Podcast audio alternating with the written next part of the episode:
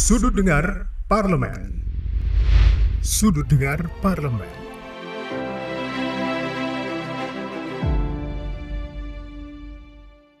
Halo, apa kabar pendengar dan pemirsa TVR Parlemen dan pendengar dan pemirsa RRI? Balik lagi sama Nadia Kanaya tentunya di Sudut Dengar Parlemen. Kita mau membahas sesuatu yang rame kemarin, rame banget. Kalau ingat di hari Jumat, tanggal berapa ya? Pokoknya minggu lalu, beberapa minggu yang lalu, itu ada pawai besar menyambut selebrasi dari SEA Games timnas U22 yang berhasil memboyong piala eh medali emas ya kan datang ke Indonesia terus disambut dengan sukacita semuanya rame banget GBK rame semuanya rame. Wah pokoknya seru banget.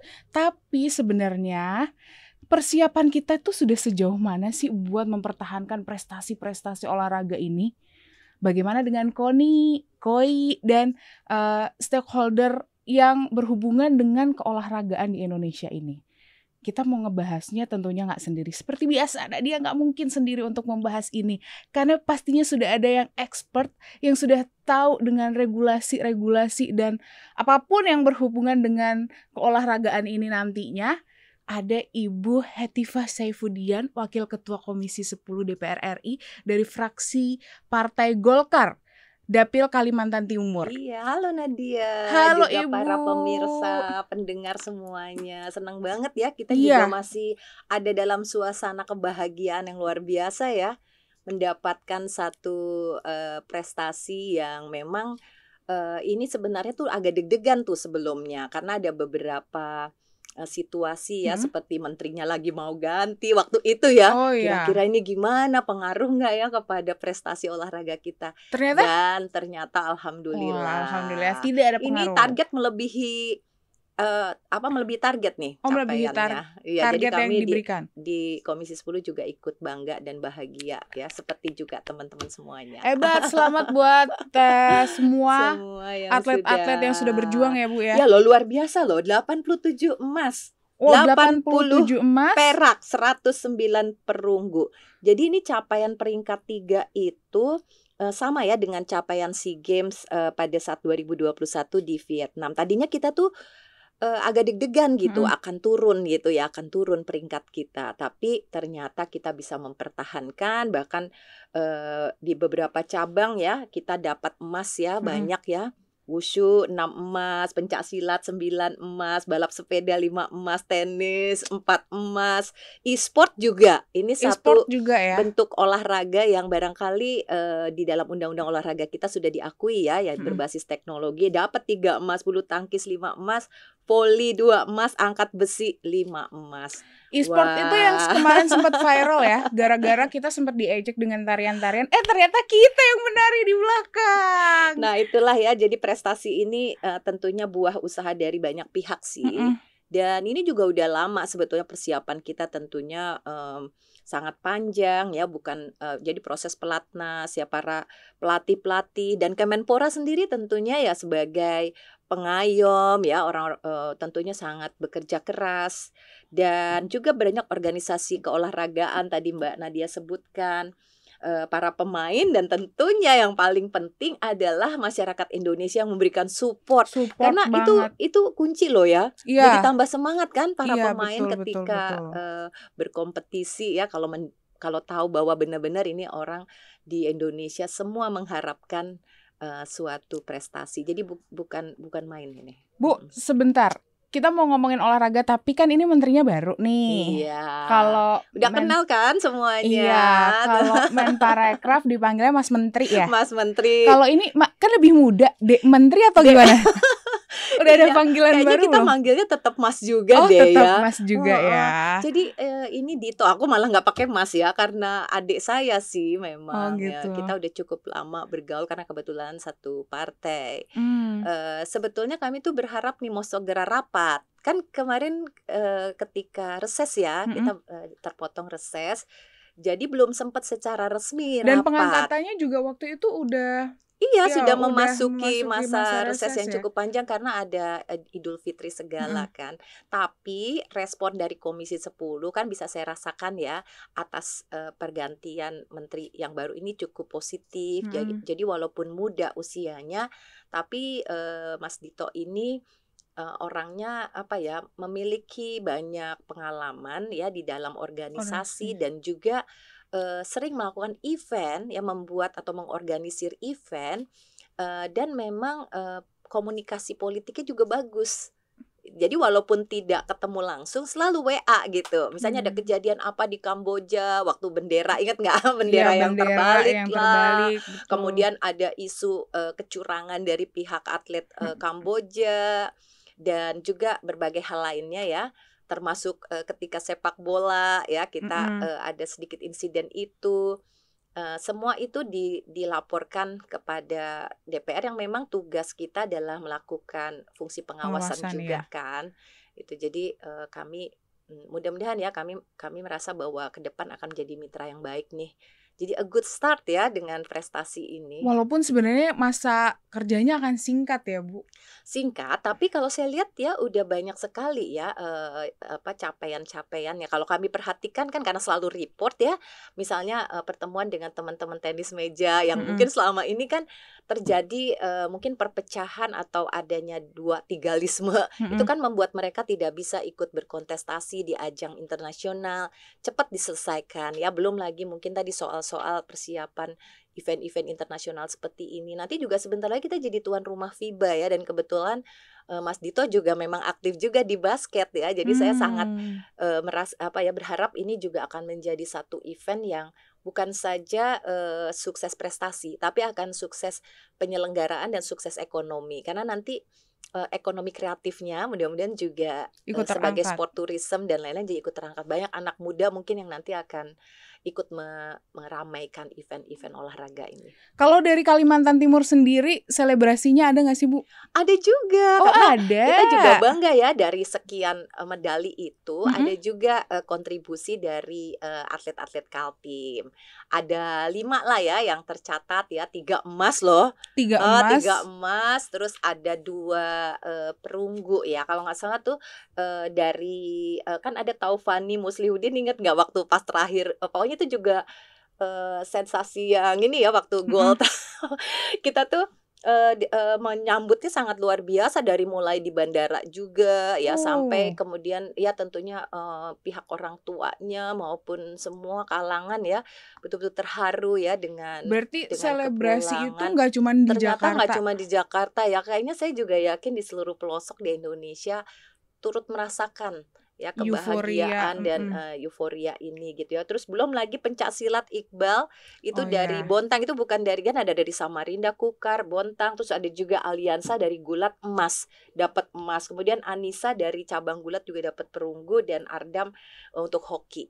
Jadi masuk di tim hoki. Nah itu kalau untuk sebuah provinsi seperti Kaltim itu sangat, eee, bernilai sekali ya, karena kita berharap, eee, sebagai calon ibu kota Nusantara, Mhm. Eee, Kaltim tuh juga menjadi salah satu, eee, unggulan dan di dalam desain besar olahraga nasional juga, eee, kita berharap nanti Kaltim tuh menjadi salah satu tempat yang bisa memproduksi kader-kader iya, dan berkontribusi, atlet-atlet, iya, menghasilkan yang eee, terbaik ya, Bu? menghasilkan yang terbaik untuk ke depannya. Jadi, eee, kami, mmm, ini merasa bahwa ini tuh milestone ya, jadi satu langkah yang akan jauh lebih baik lagi nih Batu loncatan Batu untuk loncatan untuk yang lebih.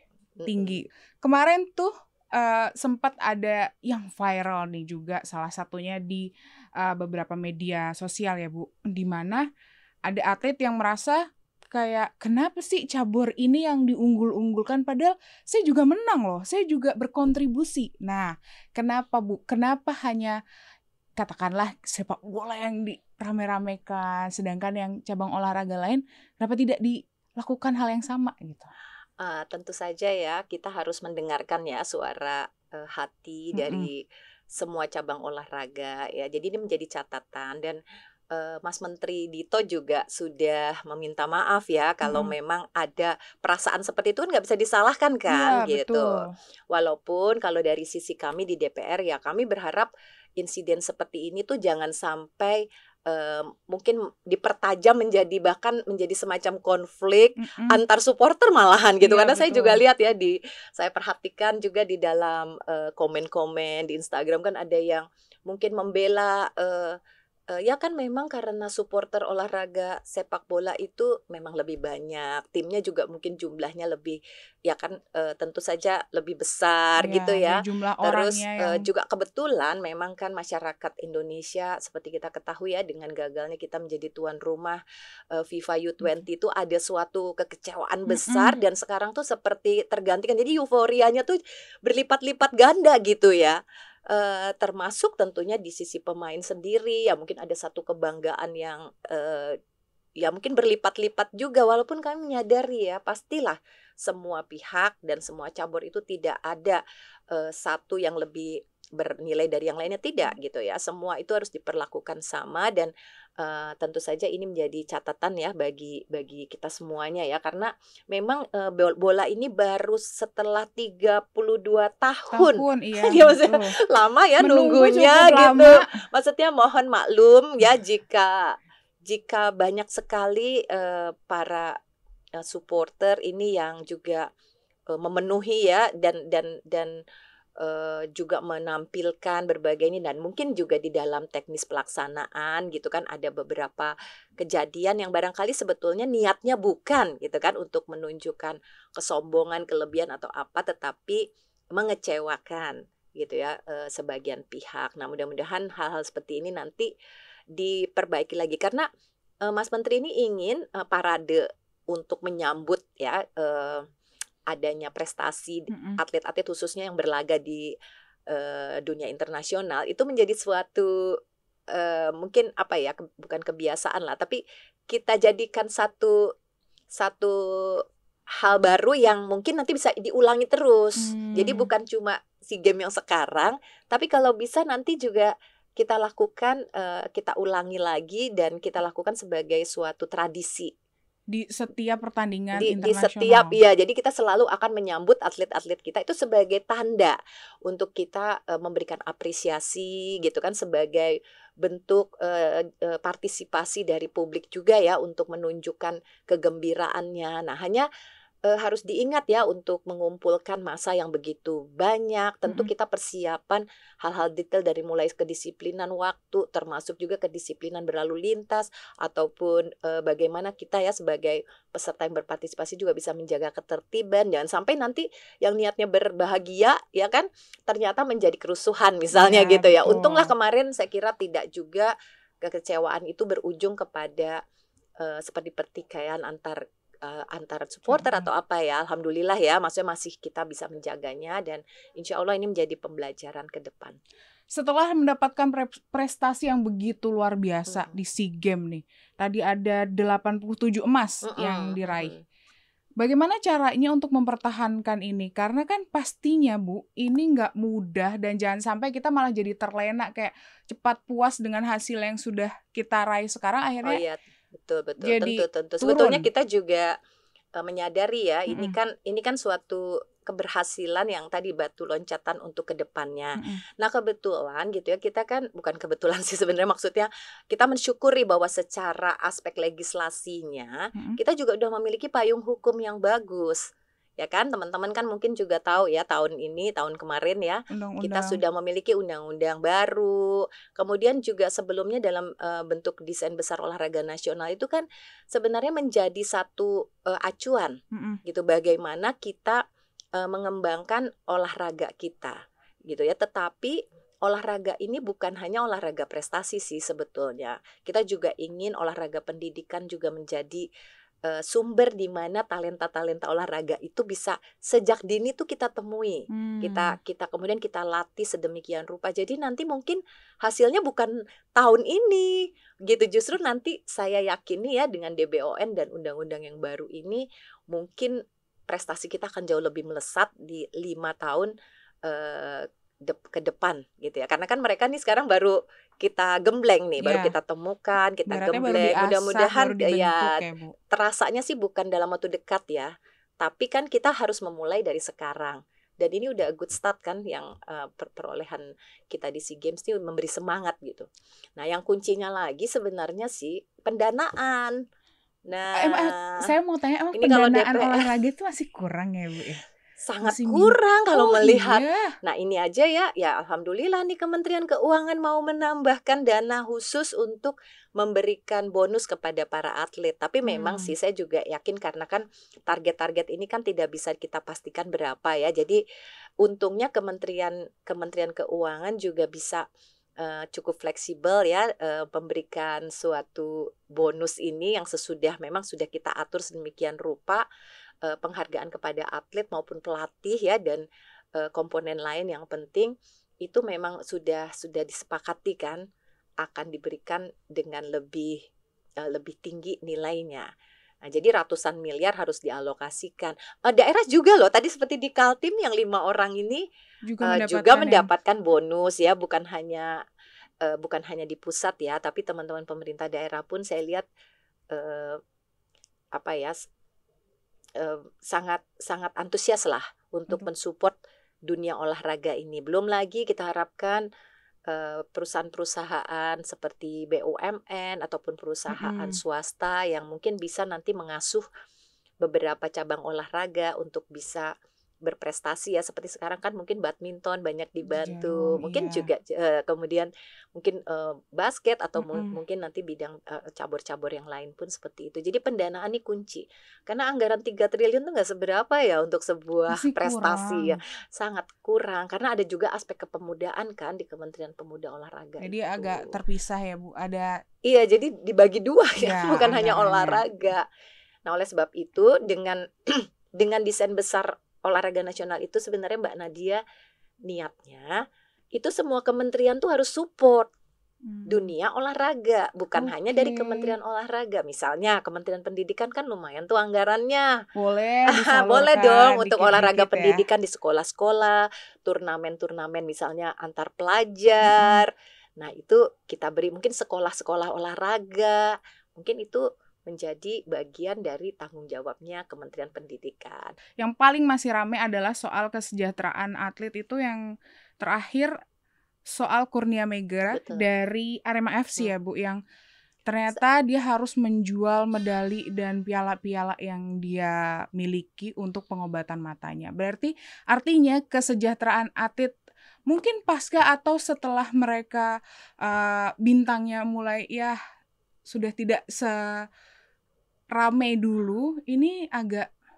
terlalaikan, terlupakan oleh ya. Uh, iya betul. Pemerintah. Iya gitu. kita semua uh, tersentuh ya dan tentunya merasa sangat ya sedih, prihatin. Ternyata hmm. kasus seperti ini terjadi dan kami juga ya mengapresiasi bahwa sekarang sudah ada suatu perhatian ya dengan uh, ya Bung Erto, Bung Erick Thohir mm-hmm. mendatangkan dokter dan mudah-mudahan ya kita semua berdoa uh, Kurnia Mega bisa uh, pulih kembali mm, dan uh, kita juga ini menjadikan ini kembali ya sebagai satu pelajaran jangan sampai perhatian kepada atlet itu hanya um, diperoleh saat sudah viral. Yeah. Nah, jadi seharusnya ini menjadi suatu perhatian ya. Jadi jangan sampai viral dulu baru akhirnya diperhatikan. Nah, oleh sebab itu undang-undang uh, kita yang baru ya Undang-Undang Keolahraga nomor 11 tahun 2022 itu secara khusus ya kita mengatur soal kesejahteraan atlet ini. Ada di pasal 86 dan 91 hmm. uh, di situ diatur. Nah, nanti konsekuensinya adalah kebijakan turunannya. Bagaimana uh, kita memperhatikan ya. Jangan sampai juga atlet yang hanya mendapatkan medali emas saja yang, yang mendapatkan, mendapatkan mungkin bonus sangat besar ya, gitu. terus yang um, berjuang panjang tapi kebetulan tidak berhasil gimana gitu. Itu juga boleh minum dulu ibu. Iya nih saking semangat saking kita tuh ngebahasnya dari tadi rame banget jadi emang jadi agak ini ya terlalu bersemangat ya kita ya Bu ya. Kenapa ya kok tiba-tiba hilang suaraku? Oh. Jadi itu Mbak, teman-teman semuanya, kita berharap ya dengan adanya aturan ini atlet-atlet yang bernasib seperti Kurnia Mega ini karena saya yakin pasti ada banyak gitu kan, banyak. tapi tidak terungkap, tidak terekspos juga. Tidak terekspos. Nah, ini yang harus menjadi satu pekerjaan rumah yang sangat besar ya supaya kita bisa mengidentifikasi uh, kemudian minimal lah ya seperti yang namanya asuransi itu seharusnya ada. Hmm. Karena bisa saja Kurnia Mega mendapatkan uh, kasus seperti ini akibat dari kerja dia selama ini kan namanya oh, atlet itu iya. resiko sekali loh dari mulai patah tulang lah gitu ya kemudian dia men, dia menjadi menjadi bagian dari kaum disabilitas secara bisa aja sewaktu-waktu gitu. Iya dan itu dihadapi. sempat beberapa media juga mengungkapkan uh, atlet-atlet yang akhirnya iya. dia menjadi disabilitas itu gara-gara iya, pengorbanannya untuk karena ketika ya betul lah kita sendiri merasakan ya mm -hmm. bukan hanya waktu bertarung atau bertanding tapi ketika latihan pun Luar nah, jadi di sini memang aspek-aspek safety, keamanan dan kesehatan dan keselamatan atlet itu seharusnya menjadi bagian yang tidak terpisahkan ya. Jadi kesejahteraan tuh bukan dalam arti hadiah saat menang nah, gitu kan, iya, kan tetapi betul. kesejahteraan dari mulai ya ketika mereka uh, dari awal ya sudah uh, ditetapkan masuk ke pelatnas kemudian juga ketika mereka berlatih pun harus terus uh, dijaga ya kesehatan dan keselamatannya. Dan itu makanya uh, beberapa orang hmm. masyarakat di Indonesia itu masih meragukan karir sebagai atlet karena hmm. takutnya bagaimana dengan jaminan hari tuanya, hmm. bagaimana dengan uh, kondisi nantinya ketika mereka sudah selesai di masa, iya. karena kan memang atlet ada masanya ya bu, ada usianya gitu. Hmm. Nah itu yang seharusnya baik Kementerian Olahraga itu juga memikirkan secara matang bagaimana nanti ke depan mereka nasib mereka ini. Yeah. Salah satunya kemarin yang Gracia Poli yang akhirnya sudah menjadi PNS ya bu. Iya betul. Nah, Jadi itu juga salah juga satu, akan ada ya, salah hal -hal satu ini? solusi ya. Jadi dan ketika mereka PNS pun bukan berarti mereka tuh harus mengerjakan hal-hal yang tidak mereka sukai. Hmm. Jadi tidak misalnya PNS di bawah Kementerian Pemuda dan Olahraga, mungkin mereka tetap ya menjadi pelatih atau menjadi mentor bagi atlet-atlet yang lebih muda gitu ya atau uh, mungkin melakukan hal-hal lain yang uh, mereka sukai dan hmm. tidak menghilangkan hobi maupun uh, keahlian mereka sebelumnya. Itu jadi ini tidak mudah ya karena kalau misalnya mereka jadi PNS tapi pekerjaannya itu terlalu berbeda, mereka mungkin juga tidak bahagia. Mm-mm. Gitu. Jadi statusnya PNS tapi pekerjaannya itu diusahakan sedapat mungkin ada kaitannya. Gitu. Masih. Gitu. Tetapi ada kepastian kan kalau dia menjadi PNS setidak-tidaknya ada pengakuan dan juga ada suatu kepastian terkait dengan uh, standar minimum kesejahteraan yang mereka peroleh. Oke, nah nanti kalau kita ngebahas soal uh, kesiapan untuk pasti ini kan tidak berhenti di SEA Games. Mm -mm.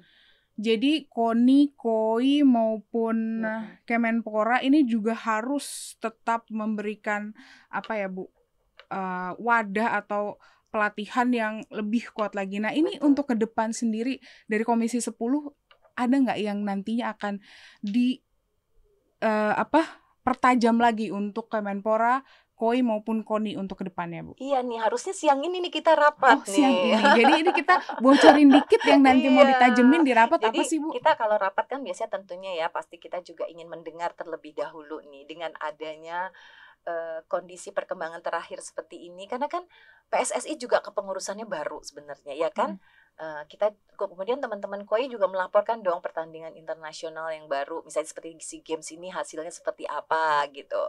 Kemenpora juga apalagi menterinya baru mm-hmm. ya kan perlu mungkin uh, menceritakan kepada DPR kan apa yang beda dengan menteri yang lama. Apakah dia punya terobosan atau program 100 hari pertamanya nih? Wah, ya kan? Akan di belum nih. Nah, kita nanti ya. Nah, kita akan um, mendengarkan terlebih dahulu namun setelah itu tentunya ya kita akan berdialog dan mudah-mudahan ini diskusinya akan terbuka ya rapat uh, rakernya ini dan teman-teman tentunya boleh juga nanti mengikuti melalui streaming memberikan juga uh, masukan. masukan ya uh, kita kan ada nanti teman-teman mudah-mudahan bisa membantu memperluas rapat-rapat ini sehingga nanti apa masukan-masukannya Eh, bisa dibahas juga karena seperti kita ketahui kita juga menganggarkan um, dana untuk tahun 2023 ini sebenarnya sekitar 300 miliar untuk pelaksanaan um, FIFA U20 yang kemudian batal kan. Mm-mm. Nah, kemudian presiden mungkin sempat memberikan semacam masukan.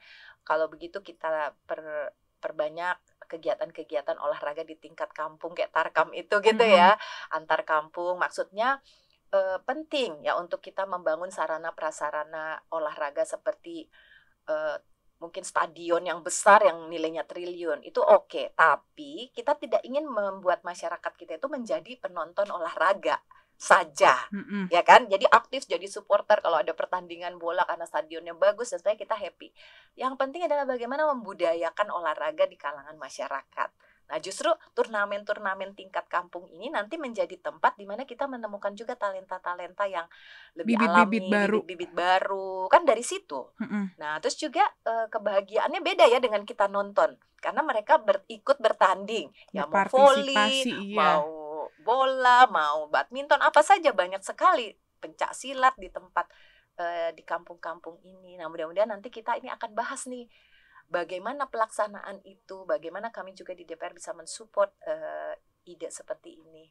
Jadi, kalaupun kita memperbaiki lapangan olahraga di tingkat kecamatan, tidak harus membangun stadion yang besar-besar. besar. Walaupun juga kita ada PR lagi ya 2024 kan tadinya mau pon di Aceh dan eh, Sumut ya. Itu juga mungkin masih ada sarana prasarana yang belum tuntas, mungkin juga butuh anggaran. Tapi eh, DPR itu ya itu tugasnya nanti berdebat juga dengan kementerian lebih penting A atau B atau aksen dan B aksen gitu. Jadi, Jadi nanti rapatnya prioritas. pasti eh, mana yang lebih prioritas saat ini melihat perkembangan terakhir karena memang kita juga senang ya bukan cuma kita di SEA Games tapi juga banyak event-event internasional yang sekarang terakhir eh, yang F1 Powerboat juga Mm. sukses ya di Toba ya Mm-mm. mungkin kita akan banyak sport tourism juga dikembangkan di Indonesia atau dilaksanakan di Indonesia tentu perlu sarana prasarana tapi eh, kita ingin uang itu tidak hanya untuk membangun sarana prasarana tapi membangun budaya berolahraganya. Oke, aduh 30